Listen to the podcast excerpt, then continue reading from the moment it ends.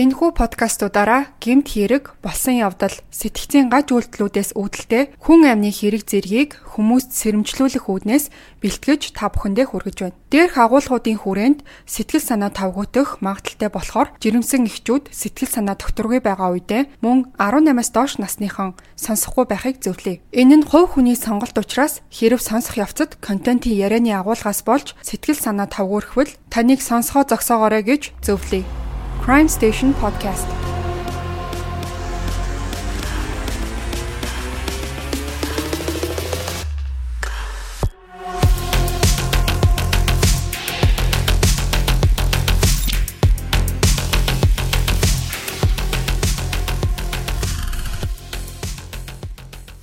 Сайн байцгаана уу сонсогчдоо. Подкастын маань 3 дахь дугаар та бүхэнд хүрэхэд бэлэн болсон байна.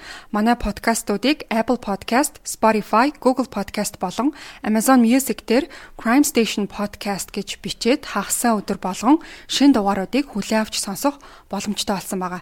Ингээд өнөөдрийн дугаарыг хамтран бэлтгэж та бүхэнд хүрэхээр ирсэн зочин маань эхлээд өөрийгөө танилцуулаад тэгээд дараа нь хоёлаа хэрэг рүүгээ шууд орцгоё. За сайн байцгаана уу. Бүгдээрээ энэ өдрийн мэндийг хүргэе. Намайг Ахтя гэдэг.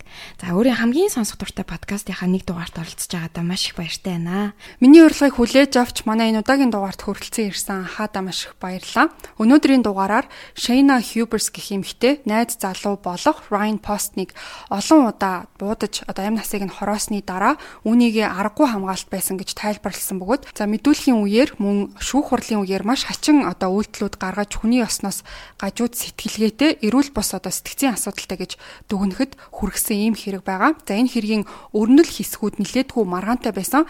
За тэгэхээр зочин маань бол эхнээс нь энэ хоёр хүнийг танилцуулаад дараа нь хэргийг задлж ярих байгаа. Харин би бол шүүх хурал мэдүүлгийн процесс болон эцэст нь сэтгэл зүйчийн дүгнэлтийг нэмэлтээр яриад хоёулаа хамтдаа ярилцаад ивчээ.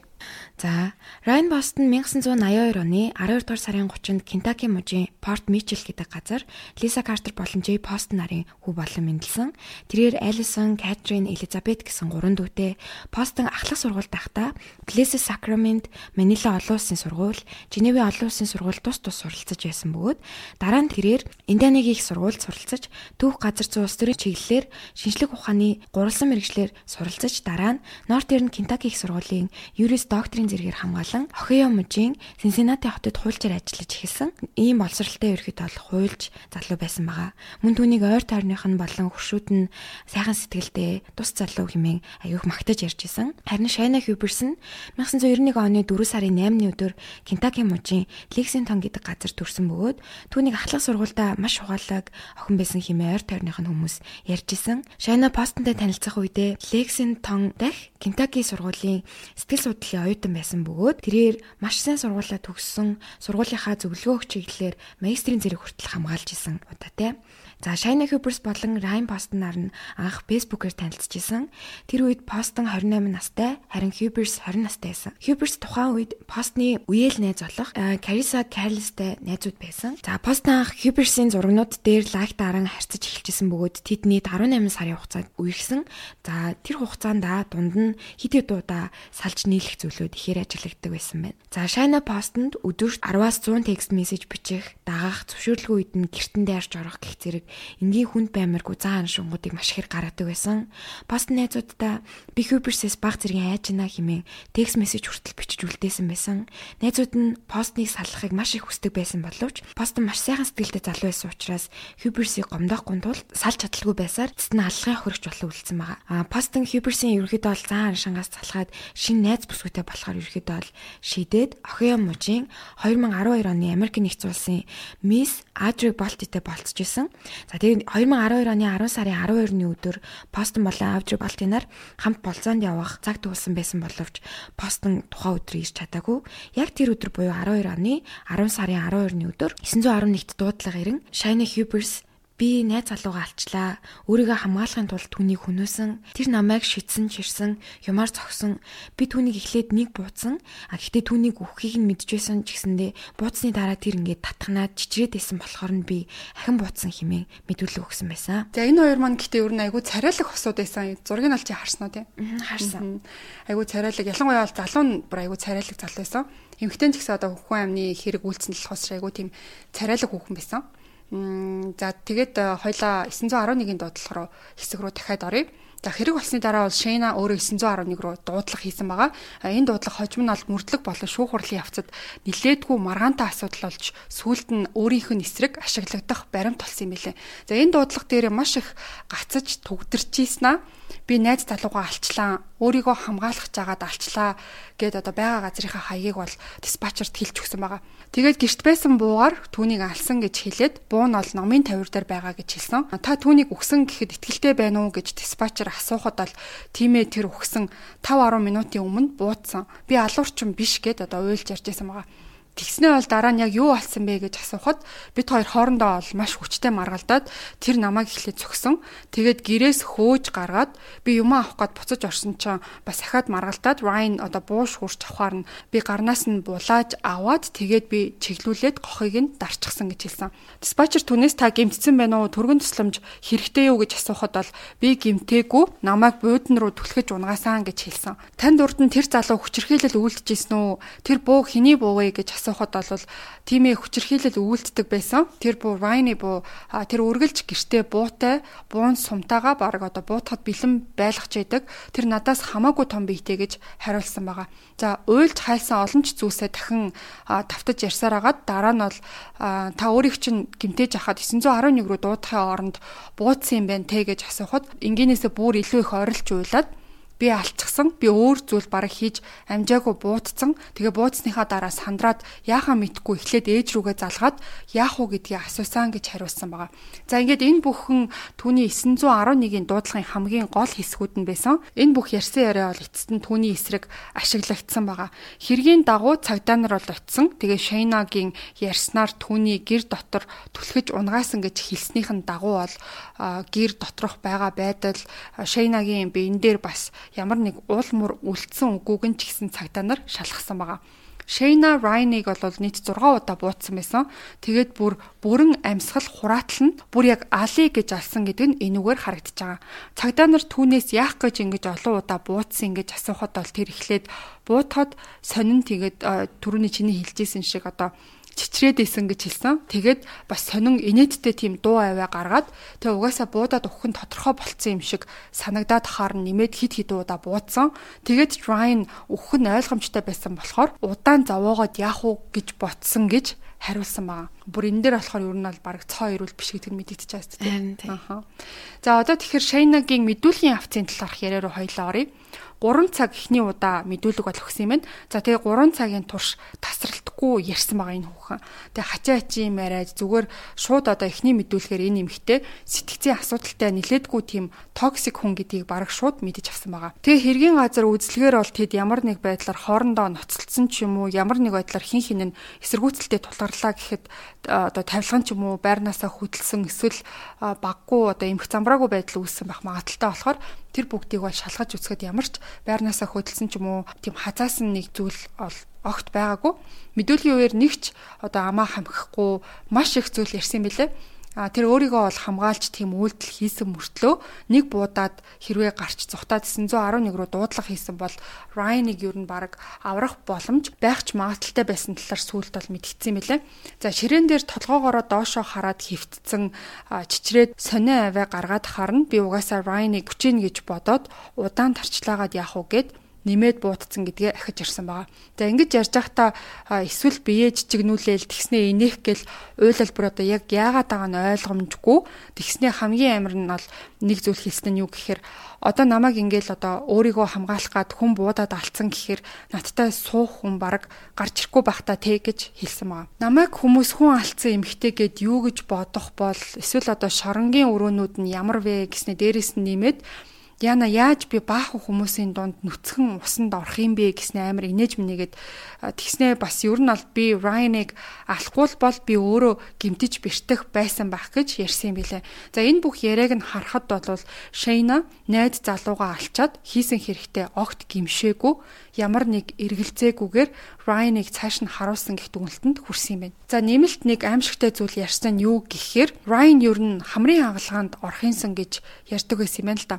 Тэгсэн чинь тэр яриагаар нь Шайна ер нь бол тийм жоок хийх маягтай. Би яг нүүрнийх нь хамар хавцаа буудсан бараг л одоо хамрыг нь янзлаад өгцөн гэж цагдаа нарт ярьсан байгаа. Гэр бүлийнхнийг нь шаналж байгааг юу нь бол боддгоо мүү яриад сууж байгаа бүх зүйл нь маш утгагүй. Одоо бүр үнэхээр одоо шорондоо хатаасаа гэж бодмоор тиймэрхүү байдалтай мэдээлэл өгсөн. За хэсэг хугацаанд бол Шейна мэдүүлгийн өрөөнд хоцрох үеэр тэр ганцаараа нааш цааш холхож тэгснээ бүр дуу дуулж бүжиглэж байгаа нь бол камерын дүрсэнд бичигдсэн байсан. Яг энэ яриагаараа муулаад энэ нэмэгтэйг бол муулаад байгаа юм биш зүгээр л өөр нь байгаа байдал нь юм үнэхээр юм солиотой ч юм уу гэмээр энгийн бус байсан. Яг энэ хүний сэтгцийн эрүүл мэндийн талаарх дүгнэлтийг судалж үзмээр одоо яг толгойд нь юу болоод байгаа талаар мэдмээр санагдсан байгаа. За өнөөдөр бас тэр талаар нэмж та бүхэнд ярихаар байгаа. За тэгээд мэдүүлэг өгсөн энэ өдрийнхөө орой тэр Райны өхөлт буруутай гэгдээд 1 сая 500 мянган долларын бонд тогтоогоод шууд одоо Campbell мужийн шорон руу ачигдсан байгаа. Тэр шорондоо шүүх хурал болтол 2 жил хагас хоригдсан юм байна. 2015 оны 4 сарын 13-нд түүний анхны шүүх хурал болсон. Тэр энэ шүүх хурал дээр өөрийгөө гин буруугүй гэсэн байр суурьтай байгаагаа илэрхийлсэн. Гэвч мэдээж бүх зүйл тодорхой, маш их нотлох баримттай болохоор түүний эсрэг энэ бүхэн ашиглагдсан байгаа. Шейна энэ үеэр Райн өөрөөс нь сална гэдээсэн болохоор түүнийг алчсан гэх мэдүүлэг өгсөн. Яллах талын дүнэлтээр бол Шейна гэх эмэгтэй Райнаар ерөнхийдөө бараг донтчихсон. Минийх л биш бол одоо хэнийгч биш гэх сэтгэлдээ одоо хитрхи их автаад хүссэн бүхнээ өөрийн болгох гэж улайрдаг тэр сэтгхүүнээсээ салж чадахгүй эцэст нь санаатайгаар энэ бүхнийг үйлдсэн гэж ярьсан. Ryan Shayna хоёрын хоорондоо бичсэн мессеж болон бусад хүмүүстэй харилцаж исэн мессежүүдийг шүүх хурал дээр гаргаж ирсэн бөгөөд Ryan нэг үеэл рүүгээ бичсэн мессеж дээрээ бол надаас юусоо салахгүй байна. Бараг цагдаагаас ойртохыг хязгаарлах тийм бичиг гаргуулт юм уу яадын гэсэн утгатай зүйл бичсэн байсан. Тэгээд нас барахынхаа өмнөх орой Ryan Aurууга бичсэн мессежиндээ бол би Shayna-гаас салмаар байна. Гэхдээ ямар зан ааш гаргах бол гэж бодхоос айж ийн гэж бичсэн байсан. Shayna болохоор өөр хүмүүс рүү бичсэн мессежиндээ би Ryan-аас салъя гэж бодож байгаа. Ер нь баг хаях гэж байгаа гэх утгатай зүйл бичдэг байсан юм лээ. Яг өөрөө токсик юм байж хүмүүс болохоор өөрөө хаях гэж байгаа юм шиг тэгж бичдэг байсан юм лээ. Нас барсан тэр 12 оныхоо 4 сард Ryan үеэл рүүгээ бас л мессежээр Shayna-г манахаас явуулахад туслаад өгөөч ээ. Явахгүй гэд яг үнэндээ айгүй хэцүү байна гэсэн мессеж бичсэн байсан. Иннээс гадна нэг цочирдмоор мэдээлэл шүүх хурлын үеэр гарч ирсэн нь буудлагын талбай руу яг одоо хэрэг гарахаас өмнөхөн Ryan Shayna хоёр явсан юм байна. Тэгээ тийшээ явсныхаа дараахан Шейна найз руугаа нэг мессеж бичснэ. Тэрэн дээрээ бол би буудаж явах үедээ шууд Ryan руу буугаа чиглүүлээд буудчмаар санагдаад исэн. Тэгээ тэрийгээ санамсаргүй юм шиг харагдуулж чадах байсан гэж бичсэн юм билээ. Ингиж бичснээсээ хитгэн өдрийн дараа Ryan-ыг жинхнээсээ буудаад алдсан байгаа. За хэрэг гарч ах үед хажуу айлын хөршүүд ямар нэг маргааны дуу чимээ бол огт сонсоогүй байжгаад хоёр удаа буудах дуу сонссон гэж хэлсэн. Тэгээ дараа нь бол дөрвөн удаа буудаад бүх зүйл чив чимээгүй болсон гэж ярьсан байсан. Шүүх хурал бүхэлдээ Шейнагийн эсрэг байсан ойлгомжтой. Задлангаар бол Ryan 6 удаа буудахад бүрэн үхээгүй ч гэсэн дараа нь цусаалтаж аажимдаа амьсгал хураасан гэж үтсэн юм билээ. Энэ дүгнэлт нь юу хэлээд байна гэхээр Ryan нилээдгүй тарчилж нас барсан гэсэн үг юм байна. За энэ дээр гаргасан дүгнэлт нь хэрвээ одоо нэг удаа за эсвэл хоёр удаа буудчаад 911 дуудсан бол амьд гарах магадaltaй байсан гэж үзэжсэн байгаа. 2015 оны 4 сарын 23-нд бол Шайнагийн хоёр дахь шүүх хурал болж энэ шүүх хурлаар үндсэндээ ерөнхий шүүгч дүгнэлтээ гаргаж Ryan Post-ны үхэлд Shayna буруутай гэдэг нь маргаангүй тогтоогдож шоронд сууснаас хойш 34 жилийн дараа давж заалдах эрхтэйгээр 40 жил шоронд суух ял оноос юм байна. Шүүх ялын тогтоолыг танилцуулахаас өмнө бол Шейна санаатаагаар хүний аминд хүрчээд шүүхийн танхимд ямар ч одоо харамссан зүйлгүй гэр бүлийнхнээс нь ч уучлалт гуугаагүй энэ байгаа байдал чинь чамайг 60 нас хүртлээр шоронд суух ялын тогтоол гаргахад хүргэсэн гэх утгатай зүйлийг нэмж хэлсэн байгаа. Ер нь нас барсан хүнээс илүү ард нь ер нь үлдэж байгаа хүмүүст амьдрал одоо маш хүнд байдаг гэж ярьдаг. Райны хувьд бол түүний эцэг их энэ бүхний дараа насаараа бол хүүгээ алдсан их зовлон шаналтай үлдэж байгаа нь хамгийн харамсалтай байсан. За түүний аав хэлэхдээ бол Ryan эцэст нь ийм зүйл хүртэх ёсгүй байсан. Түүний хувьд өнөөдрийн Shayna өгсөн ял шудраг ёсыг тогтоолоо гэж бодож гин гэж ярьсан байгаа. Хэдийгээр Shayna шоронд орсон ч гэсэн Ryan буцаад босоод ирэхгүй буцаад бидний амьдралд хурж ирэхгүй болсон нь хамгийн сэтгэл эмзэглүүлж гин гэж ээж нь хэлсэн байлээ. За ингээд шүүх хурал дуусаад авах ёстой ялаа аваад дуусчуу гэж ботсон ч бас үгүй. Шейна болохоор өөрийнх нь талаар медиа хитрхи их гажуудуулж дэврэгэж яриад надад өгсөн ялын хэмжээ шодрох бус байна гэж үздсэн болохоор өмгөөлөгчөөрөө дамжуулж ахин шүүгдэх хүсэлтэй байгаагаа мэдгдсэн юм. Тэгэд хүсэлтийнхэн дагуу ахин шүүх хурал болсон байлээ. Тэгснээ өөрийнх нь шудраг бус шүүх хурлыг эсэргүүцсэн 118 хүний гарын үсэг зурсан эсэргүүцлийн бичиг шиг юм бол авчирсан. За тэрийг нь шалгаад үтсэн чинь бүгд бараг хуурамчаар үйлдэлсэн болж таарад тэр хүмүүсээс нь асуухаар би өрөөсөө юм бичиг хараагүй гарын үсэгч зураагүй гэж хариулсан байна. За ахаад бас мэдээлэл нь бол дуусаагүй тэр шүүх хурлын үеэр шүүгчдний хүсэл тавьсан нь юу байсан гэхээр тэр гэрлэлтэд батлуулах хүсэлтэй гэдгээ хэлсэн байгаа. Шоронд байхдаа тэнд байх нэг Шоронд байхдаа тэнд байх нэг трансгендер залуутай хайр дурлалын холбоотой болж түүнтэйгээ гэрлэх тухайга ярьсан байгаа. Хэсэг хугацааны дараа тэдний хууль ёсны гэр бүл болгохоор бүртгэсэн байсан ч сүүлд нь буюу 2019 онд салцгаасан юм билээ ахиж шүүхтэлцээд ямар нэг ялыг хөнгөлөх үйл явц бол болоогүй. Шейнагийн сэтгцийн дүгнэлт нь хит сэтгэл хөдлөлд автгаараа хямардаг. Тэгээд бас одоо PTSD-тэй гэж онцлогдсон билээ. PTSD гэдэг нь гэмтлийн дараах стрессийн эмгэг гэж орчуулагддаг. Ямар нэг аимшигтай зүйлс тохиолдсны дараа дотроо бодож айх айдас нэмэгдэж айцаасаа олж одоо ухаангүй үйлдэл гаргах магадaltaй болохыг ерөнхийдөө ингэж хэлдэг. Шейнагийн өмгөөллийн багийн бас нэг мэдгдсэн зүйл нь гэвэл тэр 10 жилд байхдаа бэлгийн хүчирхийлэлд өртөжсэн юм. Тэгээ үүнээсээ хойш PTSD-тэй болоод үүнээсээ авсан шарах айх айдас нь ирээдүйд хин нэгэнтэй уулзрахад эрүүл харилцаа үүсгэж чадахгүй хэмжээнд хүргэсэн гэх дүгнэлтийг Шейнагийн өмгөөлөгч хэлсэн. Тэрнээс гадна Райнер одоо үнэхээр донтоод одоо минийх л биш бол хэнийгч болгомооргүй байсан. Ядчихад Ryan тэр өдөр мисс болж исэн эмэгтэйтэй уулзах гэснийг баг мэдчихээд тэгээд одоо уура барьж чадаагүй алсан гэдгээ ч хүлээн зөвшөөрсөн байгаа. Түүний өөрийнх нь ярьсан бүх зүйлсийг бол энд дурдмааргүй байна. Анхнаасаа л ерөнхийдөө харилцаа нь эхэлж явах үеэр Ryan маш их зүйлсээр сэтгэл санааны хямралд оруулдаг байсан талаар хангалттай ярьсан. Нэгэнт одоо нас барчсан хүн босч ирээд бүгдийг нь ярихгүй болохоор үлдсэн гих нотлох баримт хоорондын бичсэн мессеж зэрэгс нь энэ хоёрын харилцааг харж болохоор байсан болохоор Шейнагийн одоо яриа бүх талаараа шал утгагүй сонсогдчихсэн байгаа хэдийгээр дахин шүүхтэлцэж арай ялаа хөнгөлнө гэж бодож исэн ч гэсэн шүүх эцсийн дүгнэлтээ гаргаж урд нь бол 40 жилийн хорих ял авч исэн бол энэ удаагийн шүүх хурлаар ерөнхий шүүгч түүнд насаараа шоронцох ял оноос юм бэлээ. Ял нь одоо бүр урдныхаасаа хүндэрсэн гэсэн үг дээ. За ингээд энэ гашламар хэргийн шүүх хурал дууссан. Шейна байж болох хамгийн хүнд ялыг бол авсан.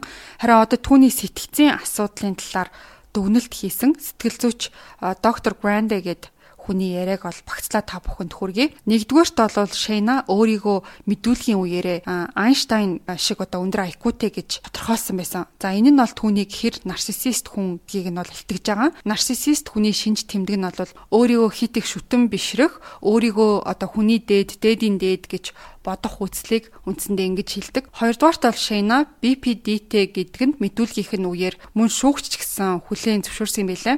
Энэ нь болохоор borderline personality disorder буюу сэтгэл хөдлөлөө зохицуулах чадваргүй болохыг хэлдэг.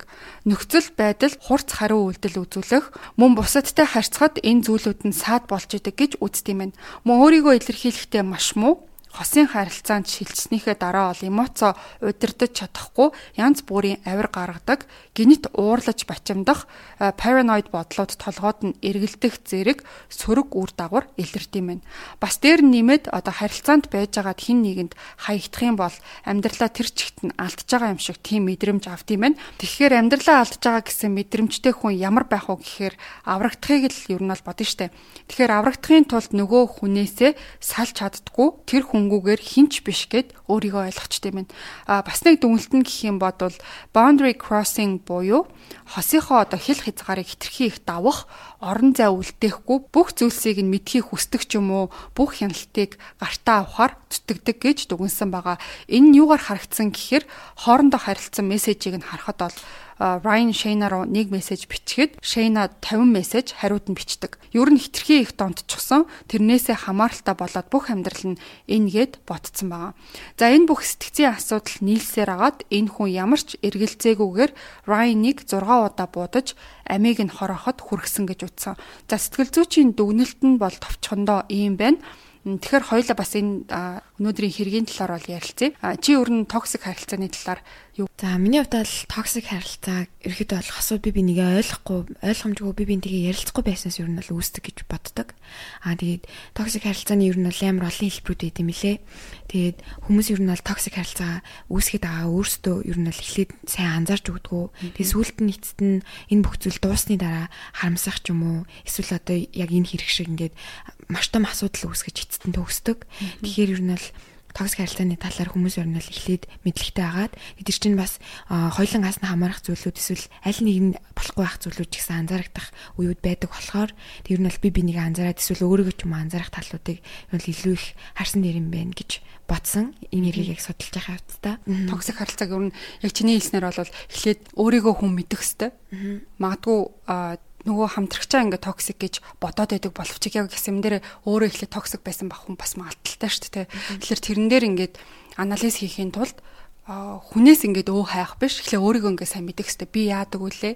Би яг энэ харилцаан дээр яг яагаад энэ хүнд ингэж хэлдэг үлээ ч юм уу? Яагаад ийм үйлдэл гаргадаг үлээ ч юм уу? Тэрэн дээр ингээд хүмүүс жоохон ер нь өөртөө л агуу сайн ажиллах хэрэгтэй мөлий эхлээд токсик харилцааг мэдхийн тул тэгээд токсик шинж тэмдэг гэж ямар шинж тэмдгийг хэлэх вэ гэдгийг бас жоохон мэдээд авчих тиймэрхүү зүйлсийг хоёлаа ер нь сонсогчтой яриа авчи. За миний хувьд болохоор энэ Райн гих залуу ер нь л токсик харилцааны хамгийн хүнд хэлбэрийн хохирогч юм шиг ер нь л санагдсан.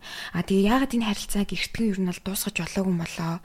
Эхнээс нь мэдчихсэн бол энэ бүх зүйлийг ингээд анхлан дуусгах боломжийн хүнд байсан учраас тэгээд дуусгаагүйд нь ерөөхдөө бол маш их харамссан. За энэ дээр нэмээд хэрвээ одоо хин нэгэн хизээ нэгэн цагт токсик харилцаатай учирсан бол магадгүй ирээдүйд учирснаа олж мэдвэл анхаагийн та бүхэнд өгөх зөвлөгөөг сонсоод нэг үзээрэй гэж хэлмээр байна. За би энэхүү токсик харилцааны талаарх мэдээллүүдээр 6 зүйл бэлдсэн байгаа. За хамгийн эхлээд болохоор шинж тэмдгийг таних. За энд нь болохоор хосчин хит их одоо таныг хянах, за хил амаар эвгүй байдалд оруулах, хил амаар эвгүй харьцах Гэх зэрэг нь бол нөгөө токсик харилцааны хамгийн анхны дохио гэсэн үг. За хоёрдугаар болохоор зүн савнд байдаг. Таныг хэн нэгний хажууд байхад таныг эвгүй байдалд оруулж харилцаа чинь нэг л энгийнээс эрүүл бос юм шиг мэдрэмж төрж өөртөө итгэх итгэлийг тань унтрааж явах юм бол энэ бас ер нь л яавч эрүүл харилцаа биш гэсэн үг. За гуравдугаар болохоор хэл хязгаараа тогтоох. За өөрийн хүсэл зорилго мөн зарим асуудал дээр өөрийн хувийн орон орон зай байдал гэдгийг хостой ер нь бол хэлэх нь хамгийн чухал байдаг. За дөрөвдүгээр талаараа өөртөө анхаарал тавих. За бие махбод болон сэтгэл санаандаа өөртөө байнга ер нь бол анхаарал тавьж явах хэрэгтэй. А тэгээд өөрийнхөө сэтгэл санааны байдлыг ч гэсэн үргэлж ингээ хинж авч үзэх нь бас энэ токсик харилцааг үүсэхгүй байхгүй бол нэг түлхүүр олж өгдөг. За тавдугаар талаараа хоорондоо үзэл бодлоо сайн нээлттэй ярилцах. За токсик харилцаанд ер нь бол хамгийн ихний шат нь болохоор би бинтэйгээ ярилцаагүй бас болж хамгийн их үүсдэг. За тэгээ ер нь бол хоорондын эрүүл харилцаанд цаашаад удаан тогтвортой үргэлж хамтын амьдралын гол түлхүүр болж идэг бөгөөд тиймээс хизээд сэтгэл хөдлөлөө үнэн зөвөөр хамтрагчтай ярьж илэн талангуй сонсоход бэлэн гэдгээ илэрхийлж байх шаардлагатай. За 6 дугаар талаараа үргэлж өөрийг чинь одоо хүрээлдэг хүмүүс, өөрийг чинь хайрладаг хүмүүсээр өөрийгөө хүрээлүүлж байгаарэ. За энэ болохоор таныг хизээд өөдрөг болон сайн сайхан байхыг дэмждэг. Найз нөхөд гэр бүлийнхэнтэйгээ цагийг илүү их цаг хугацааг өнгөрөөх нь чухал юм шүү гэдгийг ерөөхдөө хэлхийг хүсэж байна. Аа за за баярлалаа. За ингээд токсик харилцаанаас хол байлгах маш энгийн бөгөөд хэрэгжүүлж болох аргуудыг та бүхэнд анхаа танилцууллаа. За тэгэхээр өнөөдрийн дугаар маань хэдийгээр гемт хэрэгдлэхүү яригдсан ч гэсэн эцсийн дүгнэлт хэсэгт бол токсик харилцааны талаар багаханч болтгой ойлголт өгсөн байх гэж найдаж байна. Өнөөдрийн дугаарыг маань хамтран бэлтгэсэн анхаадаа бүх сонсогчдийнхоо өмнөөс баярлалаа гэдгээ дахин хэлье. Манай подкастуудыг хагасаа өдөр болгон Apple Podcast, Spotify, Google Podcast болон Amazon Music дээр хүлээн авч сонсох боломжтой. За ингээд энэ удаагийн дугаар маань энэ хүрээд өндөрлөх боллоо. Өнөөдрийн дугаартай хамт байсан та бүхэндээ баярлалаа баярлалаа. Дараагийн хагасаа өдөр хүртэл түр баяртай сонсогчлаа. Баяртай.